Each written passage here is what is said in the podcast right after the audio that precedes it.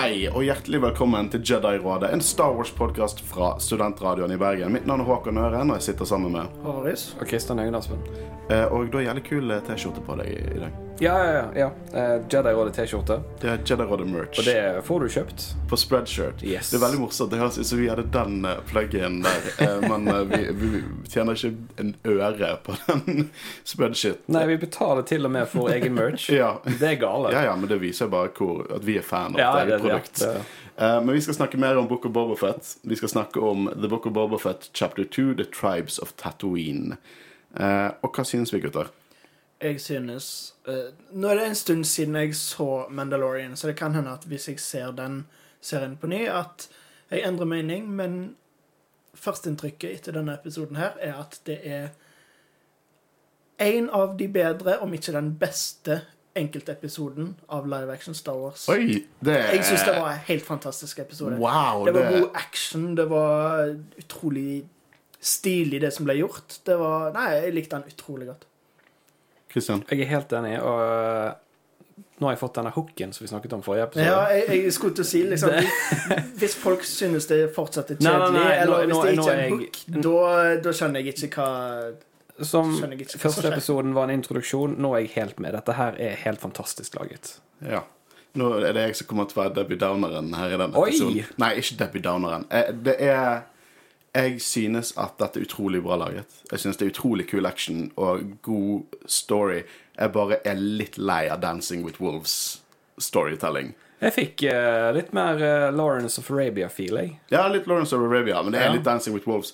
Uh, og jeg, jeg, jeg, jeg tror bare det at jeg likte dette kjempegodt, men jeg tror ikke jeg var der dere er, og der utrolig mange av våre lyttere etter å ha sendt inn til oss. For det, folk elsket dette. Eh, og ja, jeg elsker det, men det bare jeg, jeg, hvis jeg skal si en negativ ting på det, er bare at Og dette er mer en smakssak fra min side. Jeg er litt lei av den type storytelling, men igjen serien måtte fortelle den historien, og jeg skjønner hva de gjør med det. Så jeg ser egentlig ikke helt hvordan de kunne gjort det annerledes. Så jeg, eh, jeg tar dette som bare min nitpicky, subjektive syn på, på saken. Nei, jeg syns episoden er veldig stilig. Uh, og uh, du snakket jo i forrige episode om hvordan han kom til å få denne staven sin. Ja, jeg, jeg tok helt feil. ja, men jeg syns det er mye, veldig kult at på en måte, han, han finner han sjøl. Han blir får sitt eget design på det. mm, Og at han, det blir på en måte som en del av Nå, nå hopper vi veldig langt fram, nå, men det blir jo på en måte som en del av et rituale som er Ja. til Tusken Raiders, og han blir en del av stammen, liksom. Men han bryter jo litt uh, The Prime Directive her, Bobafett. Ja, ja. Ingen som tar den? Nei. Nei, OK. Nei. Uh, Star Trek-referanse. Start en Star Wars-podkast, Christian. Så overrasket over at ikke jeg, den. jeg kunne ikke dy meg. Det Prime director for Star Trek er basically det at eh, det er ulovlig for The Federation å involvere seg eh, med det naturelle Ja, men vet- development ja, det av, en, eh, av en annen sivilisasjon. Den, den, eh, det tok de med i JJ Abrams sin sånn demo-wheel til Please la meg få lov til å lage en Star Wars-film som kalles JJ Abrams sin Star Men, men, Trek-trilogi. men jeg, jeg kunne ikke dy meg sjøl. Men dette, jeg, er- dette er Star Wars, dette er ikke Star Trek, så jeg beklager det. Nei, men du, du, du er tilgitt. Uh, men det dere sier, er jo helt rett. Jeg synes at uh, vi lærer mer om Tuskens på 45-50 minutter enn vi har gjort gjennom all canon eller Legends tidligere. Jeg synes det er helt fantastisk. Er helt Denne episoden har gjort at jeg aldri kommer til å se A New Hope på samme måte igjen. Nei, og det viser jo bare hvor lite peiling Obi-Wan egentlig hadde. Fordi i denne episoden så ser vi Tusken Raiders på hundrevis av meter skyte på et tog gjennom et lite vindu og treffe. Men Obi-Wan sier Oh, these blasters are too accurate for sand people. Det må være stormtroopers. Ja, Men jeg...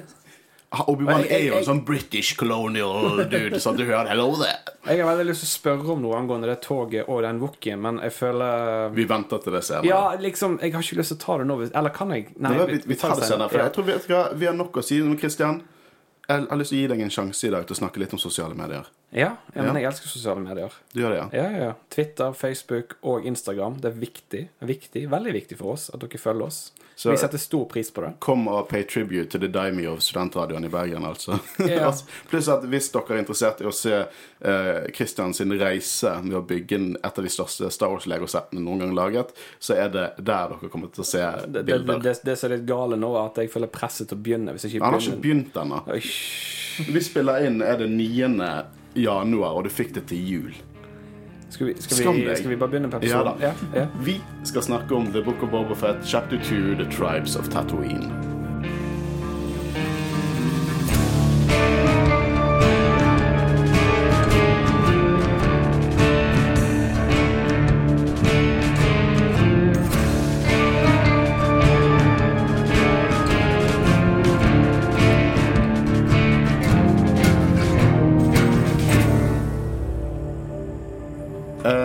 Jeg vil, Før vi på en måte går rett inn direkte i plottet her, så var det det, det at eh, etter forrige episode eh, så gikk jeg rett inn og jeg, og jeg eh, hørte litt på The Forcecast, jeg tror det det heter. Og jeg, der var det Joseph Scrimshaw, veldig, veldig positiv Star Wars-fan. Han, han finner liksom det beste i alt på en veldig, på en veldig forfriskende måte. Eh, og han snakket litt om hva han mente var symbolikken til disse Tusken Raidersene, spesielt i episode 1. Og det er jo litt det at Boba Fett interagerer med tre individer, hovedsakelig, i den Tusken Raider-stammen. Så det er barnet, det er krigeren, og det er lederen. Og jeg tror at han har vært barnet. Han begynner der. Han har liksom en sånn grafistikk som treningsgreier for barn. Eh, I første episode blir han slått og angrepet av barnet. På en måte, han har vært det, han på en måte knust av krigeren. Han har vært krigeren.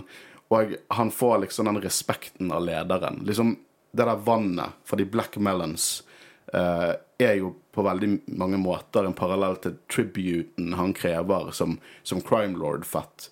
Så jeg tror at eh, det er Jeg er veldig enig med den analysen at han finner seg sjøl på en reise på en måte gjennom de rollene han sjøl har spilt, men lederen er på en måte det han ikke har vært ennå. Og det er der, der han på en måte Jeg tror det er at når han er ferdig med denne reisen, så er det der han ønsker å gå.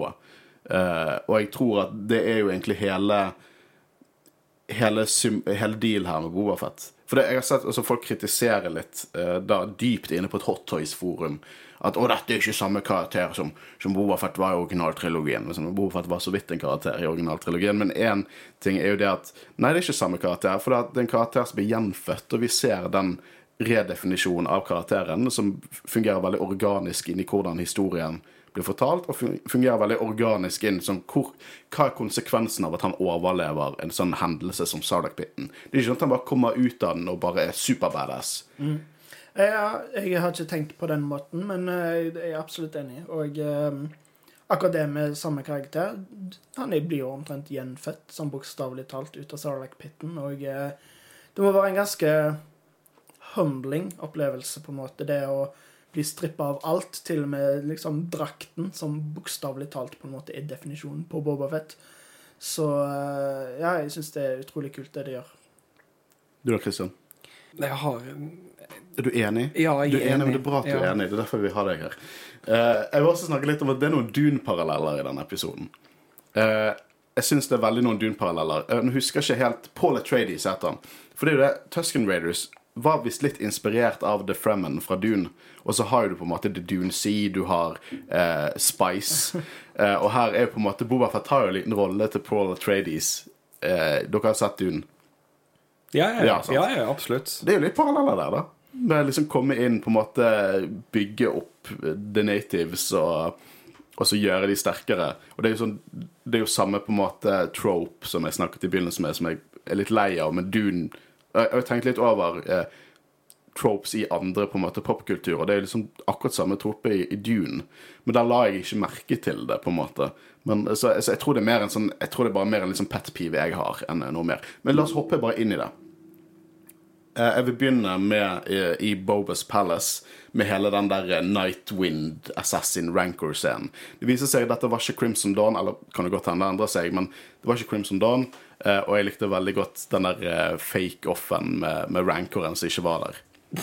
Og jeg liker òg at Han er ikke redd for noe. Liksom, han har et sverd mot halsen og liksom blir trua med at de skal kappe av hodet, men med en gang liksom, Å, shit, rancor. Alle er redd for rancoren. Jeg håpte litt å se Munchi, Muchi fra Bad Og så, Batch. og så sa han det flotte ordet til Boba, Eshuto, Ja. som er det samme ordet som C-Tripio fikk høre fra Ja, det, det, vi vet liksom ikke hva det betyr, men vi vet det er banneordet. Jeg er regner med at det betyr piss off. Ja, vi fikk høre det i Mando også, med, med, med dusørjegeren i første sesong. Ichuta. Jeg har ikke Ja, peiling på hva det er. Er Det er en sikkert det samme. uttalelse, da? Jeg har alltid hørt det som et shooter, men jeg, ofte hører jeg det veldig annerledes. Det er, liksom, det er litt sånn som clunky. Det er bare, bare det er et slemt ord. Eh, men uh, jeg liker også veldig godt um, at uh, Fennik Shan på en måte hele tiden snakker om hvor, uh, hvor lame The Nightwind Assassins er, mens 88 bare sånn Oh, the reputation is legendary, sånn you're paying for the name. Jeg syns det var veldig gøy. Hun virker nesten litt sånn pissekonkurranse med dem. Eh, og så en annen ting, for det var en rotte der nede. Bare en vanlig rotte. Det var en space rat. Det Det var, var, en, det var ikke en vanlig rotte. det var en Tattoo space Rat. Tattoo rat. Det, det, det er canon-ordet. Tattoo Rat. Men i originaltrilogien så hadde jo de bare masse rotter på settet. Sant? Så de opprettholder liksom det. Det er rotter. Det er også vanlige slanger på Det går bra. Det er vanlige rotter tilsynelatende eh, på Tatooine. Um, videre, eh, det er en ting, sant. Denne episoden gjør det veldig greit, for de kutter liksom det i to flashbacks og det som skjer i fremtid. Og det er veldig enkelt for, for oss å dekke det, da, sånn at vi ikke trenger å hoppe frem og tilbake. Men eh, jeg må si at jeg, jeg har lyst på litt mer for fremtiden. Det kommer nok etter hvert, eh, fordi jeg føler at det, det er 20 episoder vi får, sant? 20 episoder. Ja, jeg tror nok ikke vi får sju episoder med hans eventyr med Tusken Men det tror ikke jeg heller. Jeg tror det kommer til å sakte, men sikkert gå gradvis over til det vi ser i, i fremtiden, eller nåtiden. da. Det kan jo Ja, òg hende at det er flere flashbacks, men på et annet sted. Eh, men uh, Kanskje vi får det Jango-flashbacket som jeg virkelig ønsker meg. Jeg ser for meg en big fight jeg, der disse Tusken Raidersene som de har bygget opp nå og skapt vennskap med, kommer og redder han. For liksom The Last Samurai-greiene. De alle løper på speeders Yes. og bare skutt ned. Jeg kan godt hende. Eh, Det hadde ikke utelukket det. Eh, Vi er tilbake i Moss Espa. Vi ser masse Trendotions. Jeg synes at de ser utrolig bra ut nå. Jeg, jeg likte ikke designet i Mandalorian sesong 1. Jeg har sagt det før. Jeg bare synes at det ser ut som vanlige mennesker med litt sånn scales på seg. Men nå ser det ut som Trandotions. Og igjen, det får meg til å tenke at vi får Bosk. På et eller annet tidspunkt kommer Bosk dukkende opp.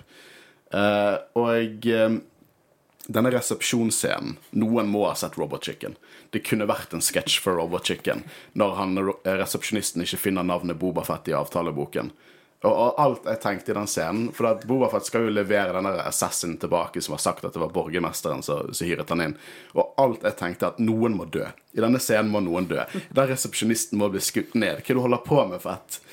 Men jeg synes humoren her passer ganske bra, for det er på en måte ikke overdrevent. Det er bare litt sånn tørt. Det er sånn byråkratisk. Det, det synes Det er kanskje noen som ikke liker det, at det føles for bare teit ut, men jeg likte det veldig godt. Jeg, likte det, absolutt. Og når han går forbi, og så kommer den major domoen og bare sånn Nei, unnskyld, nei, du skal ikke inne bak her. Uh, og så møter vi en uh, Ethorian, Mokshais, som er uh, da denne borgermesteren, da. Eller eh, ja, ordføreren. Eh, og eh, utrolig kul praktisk design og utførelse på Mokshais. Ja, og det var jo denne stemmen i traileren vi synes hørtes litt ut som uh, Din Jaren. Ja. Pedro Pascal. Pedro Pascal, ja. Men uh, det er ikke det. Det er faktisk Robert Rodriguez. Mm. Det hørtes nesten litt annerledes ut i traileren det gjorde i, i, i serien. Eh, men utrolig kul utførelse. Det er utrolig gøy å se uh, Ithorians i live action. Uh, det er jo et klassisk legacy-alien fra kantinaen, så det er utrolig kult å se dem. og jeg, eh, jeg vil også snakke litt om det der at alle disrespekter han så sykt, så passiv-aggressivt i denne serien av disse folkene som allerede har makten. Sånn Alle fokuserer på at han ikke har en sånn der bære-litter. Jeg vet ikke hva det er på norsk. Men alle fokuserer på det. Og det, og det er sånn Det er sånn Det er som en liten sånn hint. Sånn you're, you're way over your head. Og det er hele denne samtalen går. Eh, når Boba Fett sier at her er din Nightwind Assassin som bare skyter Mokreis sine folk, mm, og sier 'Å, takk for at du bringte han inn', så de bare sånn påtvinger han en dusørjegerrolle. De bare behandler han som en dusørjeger, eh, og jeg synes det er utrolig kul storytelling. Jeg tror at etter hvert så kommer vi til å få se liksom Boba Fett eh, bare bryter ned alt det folk tenker om han her. Eh, og, jeg, eh, og jeg vil snakke litt om denne daimyo-diskusjonen. For det, det er jo et begrep vi hørte i første episode, daimyo. Um, der Boa fatter daimyo over uh, Tatooine eller Mos Espa. Og at uh, de snakker om det at denne uh, ordføreren han tjener Mos Espa så lenge daimo, daimyoen av Tatooine tillater det. Og daimyo er jo egentlig et begrep fra sånn føydale Japan. Det var lokale herrer, og ofte var de lokale herrene på en måte de som bygde opp shogun. Det var de som tillot shogun å tjene. og Shogun var liksom på papiret overhodet, men det var daimyoene liksom bak kulissene eh, som bare tillot han å gjøre det. Eh, og det er jo kult at de har tratt inn en sånn historisk parallell da, inn i, i, i Star Wars. Og daimyo det, høres, det, det kan høres som sånn, ut som et sånn Star Wars-begrep. Jeg syns det er dritkult. Eh, og i hvert fall at det fungerer litt på samme måte eh, som det gjør i historien. Eh, men Mok Shais han sier det at eh, det var ikke de som, eh, som har hyret inn disse leiemorderne, at han burde gå til Garzas Sanctuary til å finne ut hvem som har gjort det. Jeg tror at både Garza og Mok Shais jobber for de to individene vi kommer til å se senere i episoden. Ja, definitivt.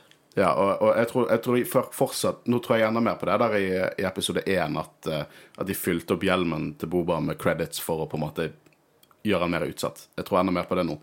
Um, men de går jo til uh, Sanctuary, og uh, lang historie kort. Vi får møte The Twins. Og hva synes dere om The Twins?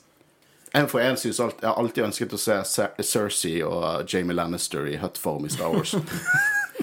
Litt skuffa over at i eh, CGI, fordi jeg syns Jabba the Hutt i Return of the Jedi er utrolig stilig lagt som en praktisk effekt. Det er jo litt verre, fordi Hvor mange var det? Det var sånn åtte stykker inni som styrte den. Og hvis, når det er to høtter Det ville vært vanskelig, og spesielt siden de er på den der litter, eller den Ja, båren, altså- på en måte. Men, Det, det, ja, ja, det hadde vært kult å sette i praktisk. Men, men det må- ser bra ut for dem. da. Ja, det gjør det. Og jeg syns litt synd på de som holder oppe den litteren òg. Men jeg synes Stakkar mennesker. Jeg synes at det var utrolig stilig. Eh, Og, og jeg, ja, det er ingenting som slår Jabba Return of Jedi. Sånn er det egentlig bare. Men og bare hvordan de hadde på en måte tatt den litteren og bøyd den Mm, og du så liksom at de eh, som bærte De strevde. Ja, de strevde. De strevde. Ja, så på min, for, Sånn jeg ser på det, var det, det gjorde det at jeg, jeg, jeg, jeg stolte på Eller jeg trodde på CGI-en på grunn av det. Eh, at jeg følte at de fysisk var til stede. Og, den, og stemmen, sånn høtt-stemmen, var jo bare Ja, men det er jo det at Hvis de gjør det CGI, så er det bra at hvis de legger til de effektene, sånn at du på en måte kan se at det er litt realitet i det. Mm. For det, det, nå er jo det at, eh, at Garza har jo sagt det at det er The Twins som på en måte har claimet Tatooine sitt territorium. The Twins er i familien. De sier 'Cousins of Jabba'. Eh, kanskje det er barna til Zero the Hut fra Clone Wars. Hvem vet? Eh, jeg tror- jeg syns i hvert fall det er utrolig stilig, og, eh, og designet er utrolig. Jeg elsker at han, eh, broren av The Twins har en sånn liten mus som han tørker svette av seg med. Det var sånn utrolig kule små detaljer. Helt fantastisk. Eh, og jeg, de er jo en showdown med Boba Fett, da. Og eh, vi får se en, en karakter. Å, dette her er gøy. Vi får se en karakter som eh, heter Black Chrysanthemum. Eller Santy, eller BK, eller eh, Black K. Alt hva man har lyst til å, å, å kalle han. Men navnet hans er Black Crescenten. Og det er ganske kult. Det er ting du aldri tenker du kommer til å se i live action. Det er så kult. gjettet at vi skulle se Santy i live action. Det Jeg, det, det, jeg spekulerer jo veldig nå, det var det jeg skulle ta opp i sted, Mm. om han kommer til, å, kommer til å dukke opp i eh, Kenobi-serien. Ja, sant? For det er eh, jævlig bra, for det at han har et arr. Ja. Og det arret det er det Obi-Wan som ga han. Det, det, derfor. Og, og dette her er satt uh, ti år? Ti, uh, det er ti år etter uh, Return of the Jedi Eller nå vet du hva tiden når Obi-Wan ga han det arret? Ja. eh, Ett år før Obi-Wan-serien skal Ta plass. Ja. ja. Så utelukker jo ikke at, at han kan dukke opp der, men eh, jeg tror ikke vi ser en adaptasjon av den storyen. Der. Nei, nei, nei, det tror ikke jeg heller. Nei. Men OK, for meg som ikke har lest tegneserien og sånn. Hvem er denne skumle, fæle wookien? Jeg, jeg tror det er første gang jeg har sett en wookie jeg ikke har lyst til å klemme. Oh. Det er første gang jeg har sett en Wookie jeg har lyst på actionfiguren til, i hvert fall. Eh, Black Chrysanthemum eh, er en eh, exiled Wookie, så hans egen Wookie brothers og sisters de vil ikke ha noe med han å gjøre. Eh, han er en dusørjeger. Han var en gladiator, så det er det Bobafett hinter til. At eh, det hjelper ikke at dere tar med gladiatorer. Uh, Bobafett har jobbet med han tidligere. Eh, han er en karakter som eksklusivt har dukket opp i tegneseriene. Da hovedsakelig Darth Vader-tegneseriene og Dr. Afra-tegneseriene.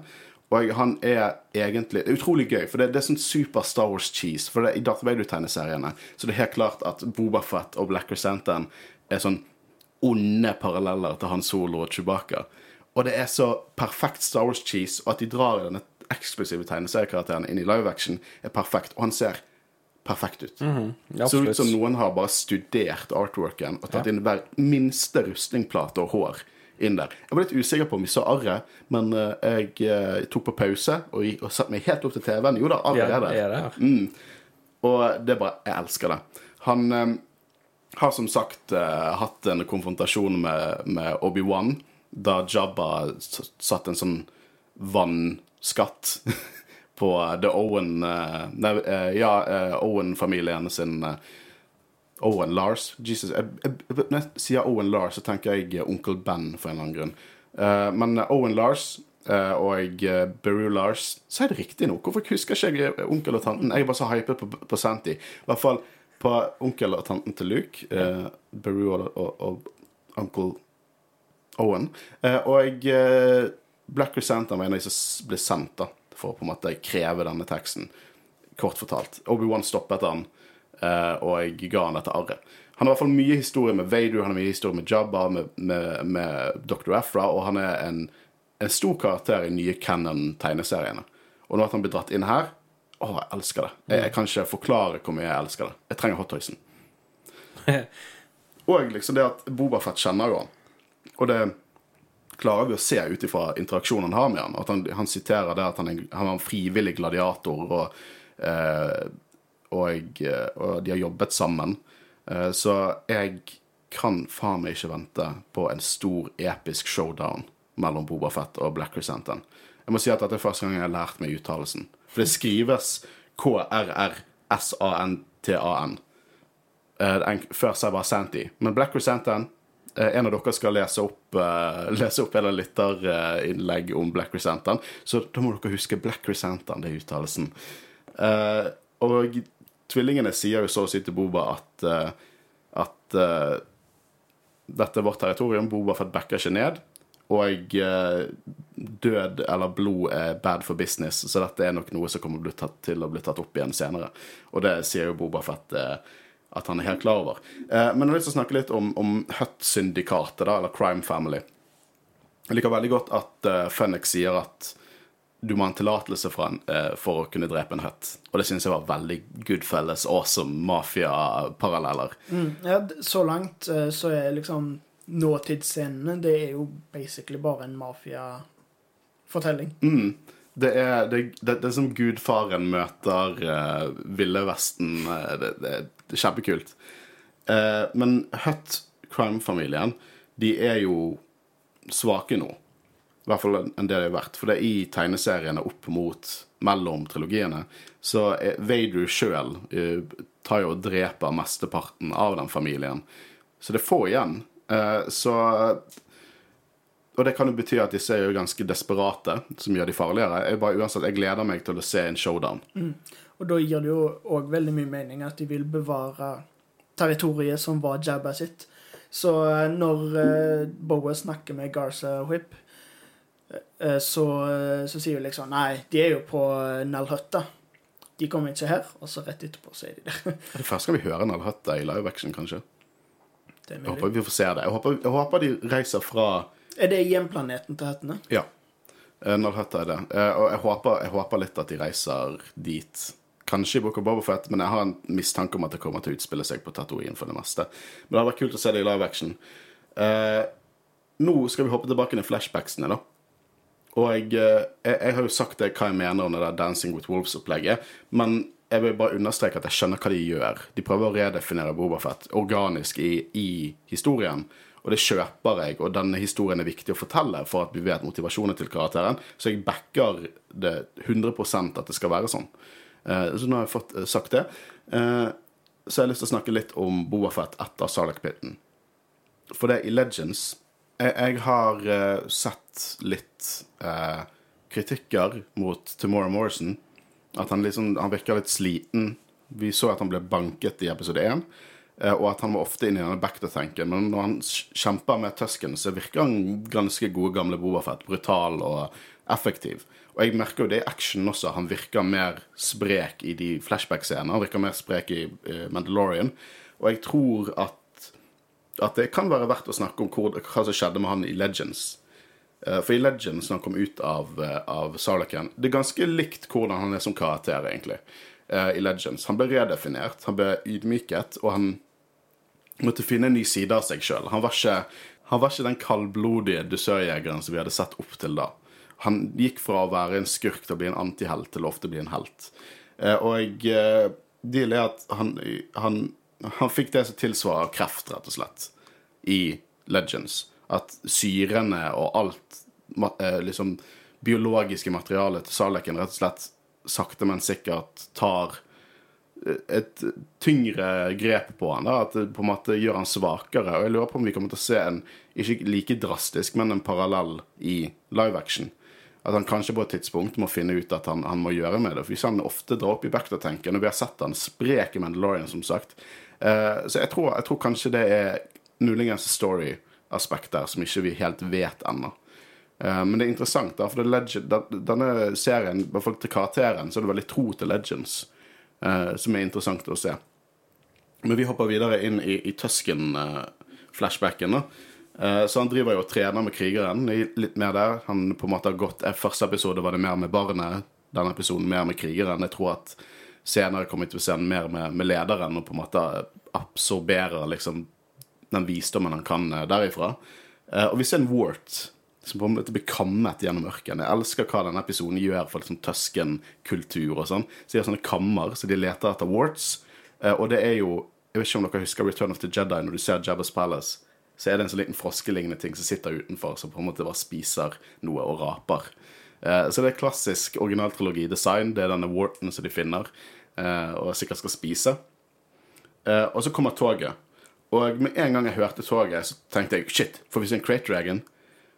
Og så nei, Det var nok tog. det de ville òg, fordi det så jo litt sånn ut, på en måte. Og lyden også. Jeg har, hørt, jeg har sett episoden nå tre ganger, og lyden er nesten helt identisk som Crate Dragon-lyden. Ja, men jeg tror det har Jeg òg hørte det, men jeg tror det har sikkert noe med å gjøre på at hvis de bruker den lyden, så holder de Ja. Crate Dragon unna toget. Jeg regner med det er derfor de på en måte kjører den lydeffekten. Eller også og skremmer Tuskens, for den saks skyld. Eh, Ja, det er litt òg sånn det, det Obi-Wan gjør i ja. ja. New Hope. Ja, det, er- det er god uh, den, Det er min headcanon nå. Absolutt. Det er min headcanon.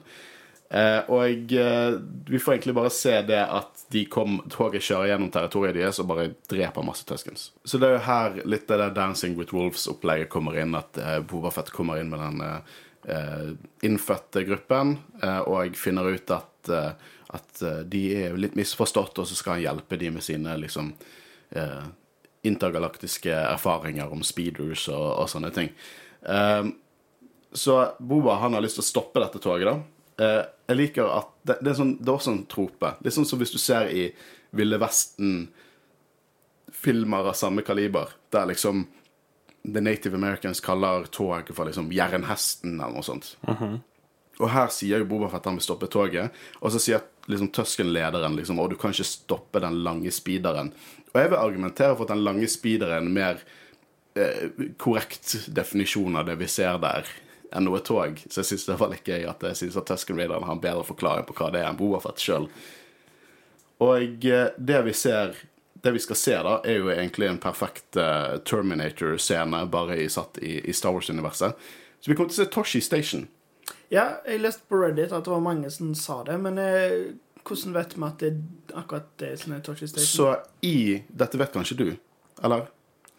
Uh, hvor er vi nå? Det er Toshi Station.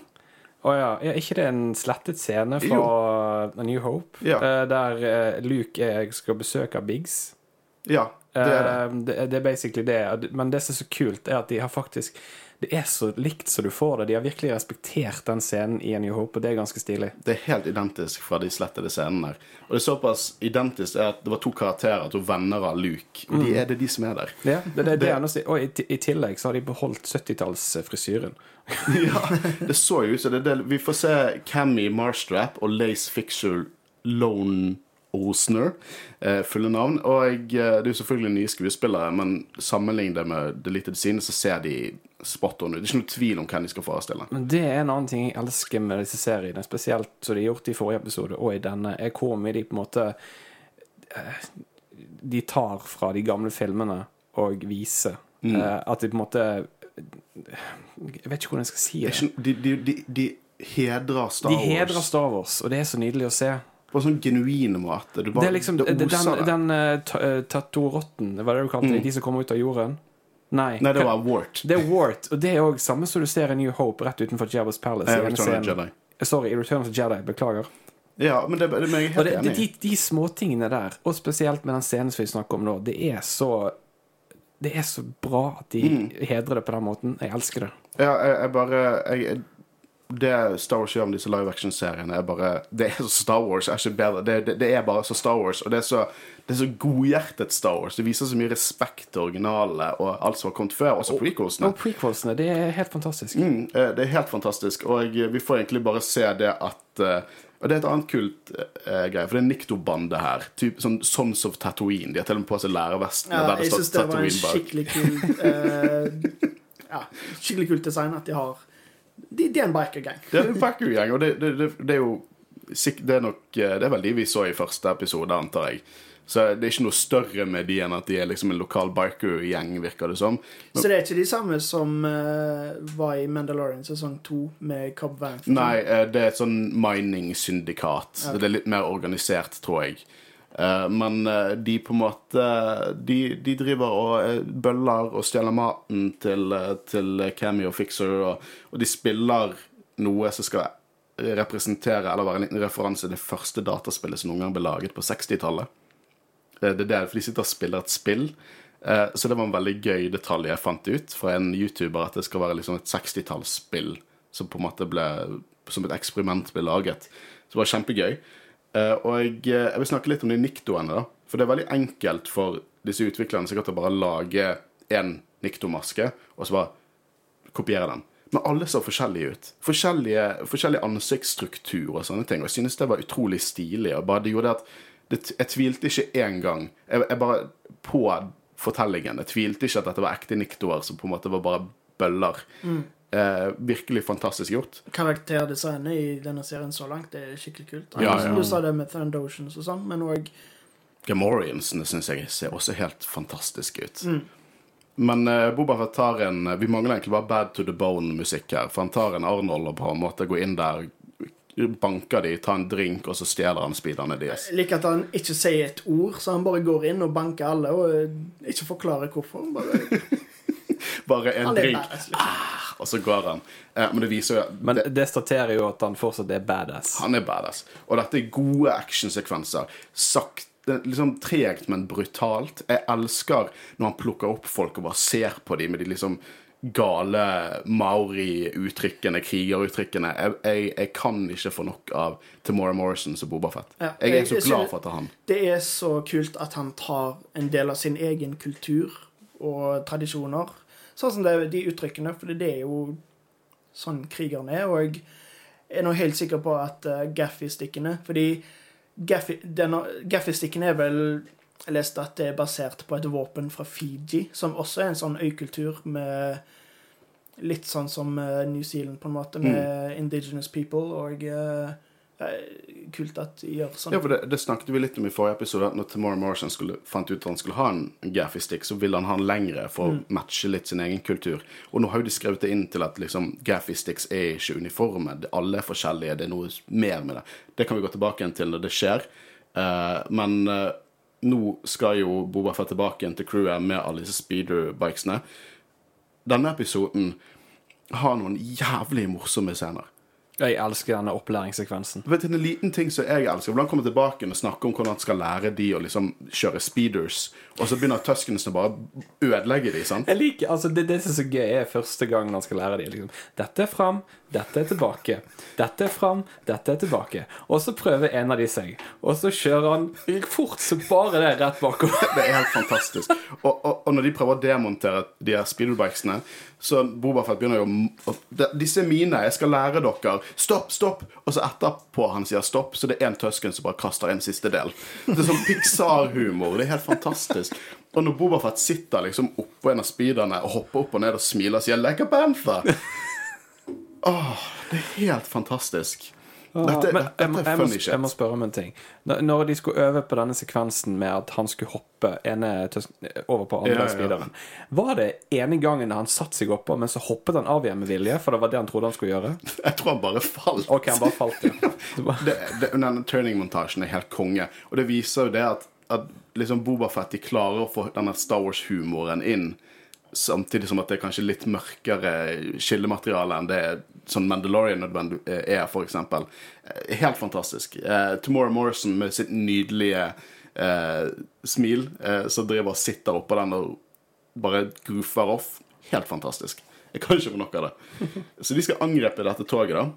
Og det er jo, jeg begynte å tenke litt på den episoden i Clone Wars når Boba Fett eh, faktisk forsvarte et tog fra Raiders, som viste seg å ha en annen motivasjon enn det man skulle anta.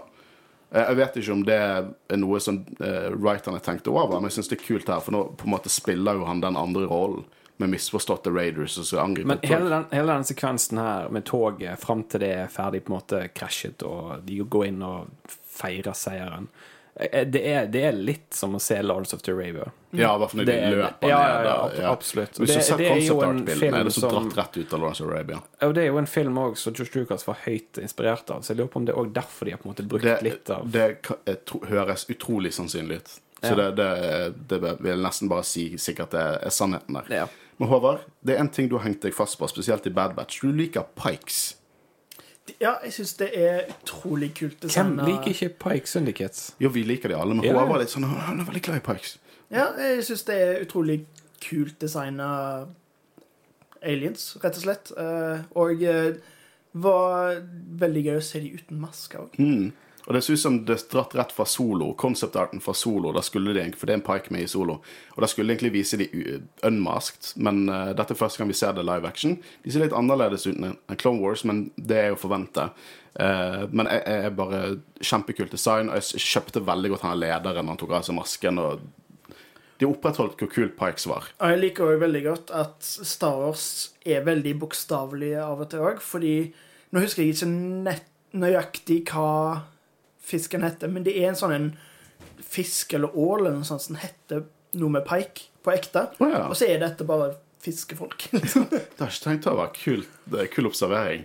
Ja, for det, de har jo liksom fiskefeatures her. Det gir jo helt mening. Eh, jeg eh, ble utrolig hypet når jeg så det var Pikes. For jeg så liksom litt inn i vinduene. Bare, er det Pikes? Det ser ut som Pikes. Og når det var Pikes, så bare skrek jeg Pikes. Jeg var sånn den, eh, den memen av Leonardo DiCaprio når han peker på skjermen. Jeg tror Guro hater å se dette med meg, for jeg er Black Chrysanthemum, Pikes hele tiden. Eh, jeg elsker også de scenene med The Warrior. Utrolig kul action, og utrolig vittig. Når hun bare driver og popper opp hodet sitt, og så bare er det to Pikes bak henne, og så faller en og faller den andre. Kjempekult. Hele denne sekvensen er skikkelig kult laga. Det er god action, og det er vel Det er vel kanskje gjort før, men vi ser ikke så ofte slow motion i Star Wars. Nei, Men uh, det passer veldig godt inn. Det er morsomt, for det er første gang vi ser slow motion i Star Wars i Last Jedi, og første gang vi ser flashbacks i Star Wars i Last Jedi, så nå får vi liksom en serie med begge deler, episode med begge deler. Uh, den droiden som styrer toget, elsket den. Elsket hvordan de speedet opp scenen, og var, den var helt sånn kaotisk med alle armene sine, og hvordan det var en sånn liten edderkopp, Grievous-kropp, når han falt ut av toget. Elsket den droiden. Helt fantastisk. Den har egentlig ikke noe Den har ingen Vi har ikke sett den før, så jeg vet ikke hvilken type droid det er. Uh, men uh, utrolig kul sekvens. De krasjer toget. Bare en ufattelig kul action. Og CGI-en syns var veldig troverdig. Jeg, har egentlig ingenting negativt å si på dette. Nei, og så sitter jo disse her uh, fangene ut forbi toget, Pike Syndicate. Og jeg, jeg Der òg veldig morsomt. Jeg lo veldig godt når de fikk beskjed om at de måtte gå til nærmeste stasjon, og du ser ansiktene til disse fiskefolkene. Blir livredde. Ja, for det er, jo det, det er jo det de begynner å forklare at vi, de trodde at de var usiviliserte raiders. Og Ja, men de skjøt skøyt først. Mm, å Det viser, ja, det viser jo litt sånn at det er to sider bak en sak. Sant? Og det er derfor jeg begynner å tenke annerledes på uh, Attack of the Clones på, på A New Hope når jeg kommer til å se de igjen etter denne episoden. Eh, og jeg, uh, jeg liker den parallellen, for Boba Fett sitter der. Han, han, han har krigeren bak seg. Han på en måte snakker med lederen til eh, Pike-gruppen her, og de er jo for Pike-syndikatet. Og det er jo helt klart paralleller til den faktiske troen han har i, i, i, liksom i fremtiden. Det er jo helt klart det jeg, jeg, tror serien prøver å fortelle oss. Det er å få smaken på dette her å være en leder. Og på en måte ha, å ha respekt og ha på en måte ansvaret for folk som han styrer. Så jeg tror absolutt det er det vi kommer til å på en måte historien prøver å fortelle oss. Så det er jo, og det er veldig gøy også det å høre at Sansana Spice blir sagt. For det er jo det fulle navnet til Spice. Ja, det òg. We not carry any spice. Og når de to tøskene mister det, og så bare blir trynet deres full av spice Jeg håper de to bare var sånn superhøye. Nei, det er ikke det de sier. Unnskyld, de sier det uh, What do you mean by spice? Det er ikke det de sier? Jo, ja, og så mister de den Ja, greia. Sansana Spice. Kjempegøy. Eh, og det viser seg nå at nå får alle en Black Melon. Nå vet vi hva det heter. Det er et Legends-konsept. Fungerer på akkurat samme måte i Legends. Det så litt annerledes ut. Uh, som er disse melonene de finner, altså de drikker melken til. Uh, og de sier det at de er under beskyttelsene til The Tuscans, som har claimet Dune Sea for flere tusen år siden, og at de alle skal få en Black Melon, og de skal bli eskortert tilbake igjen til, til Anchorhead. Det de sier med ancestral claim, det har vi hørt før, har vi ikke det? Det Ja, det er vel litt som Mando snakker om rustninger og creed og sånn. Altså, vi har ikke hørt det spesifikt. Jo, jeg tror, eh, jo, jeg tror eh, Cobb Vanth sier det når han skal snakke med byen i sesong to, at liksom hans folk har lagt ancestral claim til denne rustningen.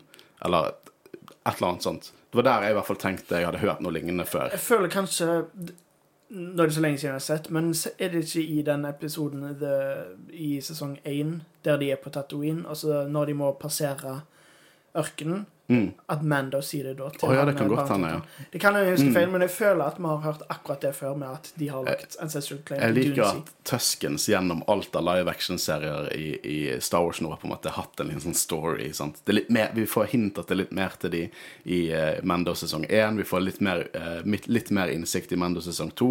Og så i sesong Nei, Book of Bobofet så er det bare De er ikke nødvendigvis monstre. Mm. Det er alltid to sider av en sak, og det er alltid forfriskende. Det jeg liker med Star Wars. sant? Jeg sier jeg liker, jeg liker historiene der det på en måte er individer i The Empire som ikke er totalt fascist, og kanskje faktisk har gode hensikter. På samme måte liker jeg dette her. Du får to sider av en sak, og jeg syns det er forfriskende. Det gjør at jeg tror mer på universet, og det gjør at jeg lever meg mer inn i universet. Helt fantastisk. Eh, Og lederen av Tuskens er jo helt klart mer takknemlig og mer respekt til, eh, til Fett. Så de skal ha en liten samtale sammen i teltet sitt senere der. Og da får vi litt informasjon om at det er ulike stammer Tuskens, det antok vi, men også et Legends-konsept. At før var Tatooine fullt av hav, og disse forfedrene til Tuskens de liksom jobbet til havet og sånn, og nå er det helt annerledes. I Legends så skjedde dette ca. Det begynte å skje 25 000 år før filmene, da The Infinite Empire, eller The Rakatan Empire, invaderte Tatooine, og det endte med at de bombarderte den planeten sånn at alt ble til sand, og, og havene kokte og ødela planeten. Det er Legends. Men deal er at det rike, The Infinite Empire, er strengt talt canon. Blitt nevnt i én bok, men det er canon. Så jeg liker å tro at det potensielt kan ha skjedd også i canon, at The and Empire kom flere tusen år siden og fucket opp Tatooine på den måten. Ja, det er jo kult at de tar ting med fra Legends og på en måte respekterer det. at Selv om det er mye som bare er batchet crazy i Legends, og sikkert veldig mye som vi ikke har lyst skal bli en del av canon, men Dette er en kul del av Legends. ja, at det- det som faktisk gir mening og bare er verdensbygging, at det tenker liksom, ja. Nei, De hånd, håndplukker vel litt og litt fra det. Ja, Men det som er eh, kult det, med- det med at hvis de er, holdt jeg på å si, Infinite Empire er canon, så kan du jo ta den sammenkoblingen. Mm. Absolutt. Og det var faktisk en av de siste historiene som ble fortalt før Disney kjøpte Star Wars. Det var i tegneserien som Dawn of the Jedi, eh, som var satt 25 000 år før eh, filmene. Eh, så jeg har Dette er ikke noe jeg bare fant på Wikipedia, dette er noe som jeg, jeg leste de tegneseriene. Og det var det jeg var veldig trist over eh, når Disney kjøpte at det ikke var canon lenger. For jeg var midt i gjennomlesingen av de tegneseriene. Men det er utrolig kule, kule konsept. I de tegneseriene så er Star Wars-universet mer steampunk. De, liksom, de har kuler istedenfor blaster bolts. De bruker sverd. Skipene, Det eneste som har skip, er egentlig The Rackhatan Empire. Disse ser mer ut som store kuber. Mens på planetene bruker de liksom vanlige skip med seil, og folk ser ut som de er kledd med, med samurairustning og sånn. Veldig unik versjon av Star Wars. Eh, Så det er, verdt å, det er verdt å lese gjennom hvert fall første volum der, for det er mye kult der, selv om det er Legends. Er det- Legends er kult, da, men liksom, ja. Den tidsperioden er det på en måte noe av det tidligste fra Første kronologiske eh, historien i Legends er Dawn of the Jedi-tegneseriene. Så, og jeg håper jo egentlig vi får noe sånt, der bare Star Wars ser helt annerledes ut. Eh, men nok om Legends, vi hopper inn i canon. Eh, så han eh, sjamanen, eller lederen, han snakker jo chieftain med riktig, snakker jo liksom at de stammene har på en måte overlevd. Noen stammer har overlevd ved å drepe, men felles faktor er at alle holder seg skjult. Og dette er jo Bobafett utrolig uenig i. Han mener jo at, eh, at de kjenner jo landet, og at nå har de maskiner, så nå burde de på en måte balansere spillet litt, da. Eh, Men eh, Bobafett får en gave. En Liten øgle som skal guide han. Jeg liker reaksjonen til Bobafett. Han bare sånn Ja, men jeg skal, jeg skal la den guide meg. Og så bare hopper han inn i nesen hans. Og dette er så awesome cheese. Det er liksom hell of a drug med en liten eh, øgle som bare guider han inn i hodet hans. Jeg, jeg, jeg har hørt noen kritisere det. Jeg synes det er fantastisk. Det er sånn rar Clone Wars-opplegg. Det er det jeg tenkte det var. Når jeg først så det, så tenkte jeg å ja, kanskje det er derfor han har endra seg litt. At han bokstavelig talt har en øgle hele tida som styrer han. Det er sånn nesten Ratatouille, bare en øgle inni han. Å, shit, det hadde jeg hatet. uh, men uh, Så han går på sånn spirit walk, da. Uh, og jeg eh, Og jeg eh, får sånn flashbacks til, til Sarlaken. Han finner liksom et tre med fullt av Jawa-øyne oppi. For jeg så i concept-arten, så er fullt av Jawa rundt det treet. Eh, og du får flashbacks fra Camino. Du ser at han går dit, og så flasher det inn at han går med rustningen sin. Uh, og han går til treet, og greiene begynner å klemme han, og Sarlak flashbacks Eh, Du ser også treet som på en måte står i et hav, og det kan jo representere mest sannsynligvis Camino, men det kan også representere fortiden til Tatooine.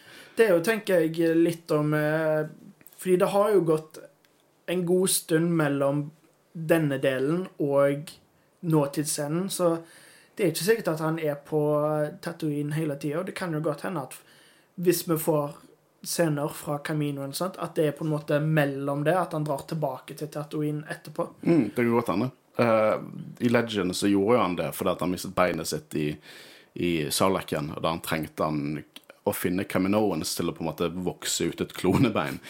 Eh, men jeg, eh, jeg har liksom noen tanker rundt dette her, da. Sånn, når vi har sett Bobafett, vi har sett Bobafett som ja, baren og krigeren. Han på en måte ble født inn Han er bokstavelig talt laget for å være Jango Fett. Han har blitt født i den rustningen. Han har ikke hatt noe valg på det. Han er bare det, det som har blitt han. Og vi ser han på en måte hoppe inn og ut av den rustningen helt til han knekker en grein. Og jeg tror bare det at vi skal se hva er Bobafett uten rustningen. Hva, hvem er Bobafett? Og jeg tror at det, det er innpå det at han skal redefinere seg. Han skal på første gang i sitt liv finne ut hva det er som definerer han. Og jeg tror det er det alt dette representerer. Og han brekker denne grenen. Uh, og gått selvfølgelig tilbake igjen til Tuskensen. Men har dere noen andre tanker på de visjonene vi så? Ikke annet enn at uh, jeg likte konseptet utrolig godt. Jeg syns det er, som du sa, ganske cheesy, men uh, det fungerer. Enig. Ja, og får jeg, nå får vi utrolig mye law med dette med Gaffisticks. Jeg tok helt feil forrige episode. Jeg eh, undervurderte hele kulturen rundt Gaffisticks, for denne greien han knakk, det er jo det han kommer til å lage sin Gaffisticks-stick med. Jeg syns òg det er veldig kult, på en måte. Vi får jo òg innblikk, fordi det er jo tydelig at dette er på en måte et overgangsrituale for Tuskens. Så det er nok eh, mange som har gjort akkurat det samme før. Så jeg syns det er veldig stilig å se at de på en måte har mer spirituelle deler av kulturen sin, på en måte. Mm. Jeg syns nesten parallell til lightsabers. Jeg. Måten liksom de younglingsene går inn og finner sin krystall og sin lightsaber er deres egen på en måte, og unik, og representerer de på samme måte er disse grafisticksene det, og jeg, jeg for en har veldig lyst på en grafistikk nå. Og det er ikke lyst på en grafistikk før denne episoden, men nå har jeg lyst på liksom en Åh, skikkelig det- fin med godt tre og hele Det er garantert en sånn her eh, altså, sånn selskap som kommer til å lage så du kan henge den på veggen. Ja, jeg skal, gå, jeg skal gå inn på Etsy rett etter vi har spilt inn Ja. og se om jeg finner noe kult. Eh, og han får jo disse svarte robesene, da, og veldig episk og stor scene at han på en måte får disse robesene. Og det er jo det vi spekulerte litt i sesong, uh, i sesong to av Mando, at liksom han kunne ha levd med Tusken, så han har helt klart Tusken robes. Ser dritfett ut. Jeg har nettopp kjøpt Hot Toysen, den kommer om et par uh, uker. Dritfett. Jeg elsket dette. Så avsluttes det med liksom en krigerdans rundt flammene. Eh, eh, veldig Maori, det også, hvis det er lov å si. For de har jo på en måte disse krigerdansene for å på en måte skremme fienden, eller for å på en måte pumpe seg opp til kamp. Eh, og så er det utrolig mye her som er dratt rett fra Ralph McQuarrie concept art til originaltrilogien. Fantastisk. Jeg, synes, eh, jeg elsker å få vite mer om Tuskens. Vi kan gå, litt på sånne generelle tanker da, eh, om episoden, hvis ikke det er noe mer dere har lyst til å si om Tusken-kultur og, og sånne ting. Nei, altså jeg kan jo si litt eh, grunnen til at eh, jeg syns dette er en av de beste episodene vi har fått av live action Star Wars, og det er at vi får så stort innblikk uh, i Tusken-kulturen. Og det er på en måte ikke noe vi nødvendigvis trengte, men jeg liker utrolig godt at de har gjort det. Det er som vi har nevnt, at det har liksom gått fra de der ville savagesene i eh, A New Hope og eh, Eh, også Phantom Menace, når de liksom skyter podracers og alt mulig sånn. Eh, men de gir det på en måte et, De er en del av større bilde, på en måte, og det er utrolig kult. Jeg er veldig glad for at de gjør sånt. Og det at de på en måte trekker paralleller til Native Americans i USA, eh, Maori, på en måte, at de de er liksom Det er akkurat det det er. De er indigenous people som har, som de sier, en ancestral claim. De er en del. Det er de som på en måte er eh, innbyggerne av Tatooine, på en måte. Og eh, at de får den på en måte respekten de fortjener. da. Det Men jeg synes, jeg synes nå Jawa burde få litt mer respekt. Liksom Jawar er de Jawa også. I sånn Legends så stammer Tuskens og Jawar i Legends stammer fra samme rase, liksom. Så vet du hva, jeg vil ha, jeg vil ha dette med Jawar også. Kanskje vi kan få en egen serie basert på de? Ja, eh, jeg vil se bare storyline til akkurat de Jawaene som tok rustningen til Boba Fett. Kanskje de hadde en god grunn? Ja, ja men vi kan følge det eh, Hva kaller du den her eh, Jawa-fortellingen min. Nei, nei, nei, eh, den trucken de kjører. Uh, Sandcrawler. Sandcrawleren. Bare få uh, Sandcrawler eh, time for time. Ja. Men har du noen andre tanker? Noen siste Eh, tanker? nei, jeg, jeg er helt enig med Håvard. Dette her er top notch. Godt laget, eh, god action. Det er, jeg er òg veldig glad i at de på en måte gjør eh, Kan jeg si Tusken Raiders mer menneskelig? Men Ja, det, du kan si ble, at, ikke, Ja, ja. det, det ble litt feil, men det, det, det jeg mener, akkurat det du sa, var det jeg mener. Ja, men eh, jeg, jeg, er- jeg er enig. Eh, Og jeg eh, er veldig enig i at første episode det var, Noen mente det var filler. Nei, nei, det er setup. Det, det er en ting, og det er ofte en viktig ting. Hvordan kan det være filler når det er første Nei, men mo- moderne, moderne definisjon av filler blir ofte sånn derre Å, jeg syns ikke det var så gøy, filler. Men òg i forhold til dette med at de, sånn som vi snakket om med hedring, at de hedrer på en måte det som har kommet før. Og det Mm. elsker jeg. Alle de detaljene de putter inn i episodene, det, det er så bra. Ja, i, I denne episoden var det referanser til alle trilogier. eh, Ja. Og Clone Wars. Ja, ja, ja. Uh, så helt fantastisk. Jeg sier igjen at eh, at uh, jeg kanskje litt lei den tropen. Men Star Wars er jo det at de tar jo historier som er udødelige, og så tar en ny vri på det og viser sin versjon av det. Det har vi sett gjennom alle Star Wars. Originale, originale Star Wars er det. Vi har jo, Det er på en måte det Kurosawa og western og alt det der. Så jeg synes det er en fantastisk episode, og jeg, den har gitt meg, sånn som det gjorde med Darth Maul, at vi fikk ny kontekst til karakteren. Sånn som jeg tror Bobafett Boba Fett kommer til å gjøre for Boba Fett, ny kontekst til karakteren, så gitt en ny kontekst til Tusken, sånn jeg ser de filmene, eller de Clone Wars og Rebels-episodene der Tusken er med, eh, at jeg kommer til å rett og slett tenke på det annerledes. Litt usikker på om Tusken er med i Clone Wars. Men i hvert fall, jeg, eh, det står da. Jeg kommer til å se på det annerledes neste gang jeg, eh, jeg ser det. Og det, for min del, er vellykket Star Wars. Utrolig bra. Eh, men vi har fått Jeg merker at vi får utrolig mye inn eh, av lytterne disse gangene. Mer enn vi fikk på Mando, som er utrolig gøy. Eh, vi har noen lytterinnslag som vi har lyst til å lese opp. Vi kan ikke lese opp alle, for som sagt, vi får veldig mye, men vi har, vi har funnet et par vi har lyst til å lese opp. Nydelig episode. Er det første gang vi ser Huts i live action-scenen Return of the Jedi. Vi ser jo faktisk Jabba og Gardulla the Hut i Phantom Menace. uh, CGI. uh, så det er jo litt sånn Det er kanskje en scene som er litt lett å på en måte glemme. Men uh, vi, har, vi har sett de i tidligere Star Wars, da. Ti av ti. Helt nydelig å se Carney, Fixer og Toshi Station igjen. Black Chrysanthemum er awesome. Og det var noen som sa uh, i tidligere forrige uke, uh, eller forrige gang vi spilte inn, at, at jeg tror det kommer til å være mye god law for Canon Junkies. Og det, denne episoden er sånn Cannon Junkies delight. Det bare De trekker inn referanser, og, og gode referanser. Det, det, det er god fanservice, for de gir meg kontekst til verden. Uh, og jeg no, Når jeg så Santi, uh, klikket det for meg. Jeg hadde aldri sånn, jeg, jeg klikket mer enn, enn hvis jeg hadde sett Cad Bane. For Cad Bane forventer jeg. Jeg forventet ikke Santi. Jeg syns det er helt fantastisk. Og det er morsomt å se tilbakeblikk. Kan bli litt klisjé til tider, der jeg føler jeg har sett lignende før. Og det er det jeg på en måte Det er egentlig det som Jeg tok den med fordi at det er egentlig det som representerer litt uh, det jeg tenker.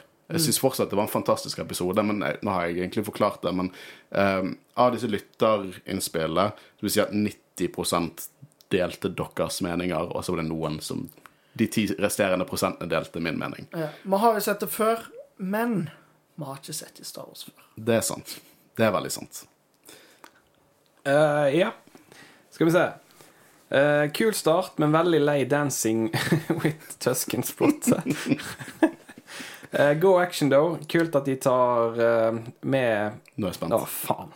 nå er jeg spent. Eh, nei, jeg tør ikke. Jo, kom an. nei, men det er så typisk. Nå, dette er kjempegøy. Okay. Kom an. Kassantien. Hæ? Kassantien? Nei, En til? Kasantien. Chrysanthemum. Så hvis det hadde vært én R, så hadde ikke vi blitt forvirret. Men siden det er to R-er, så er helt rå. Vil de retconne Bobafetts forhold med ham?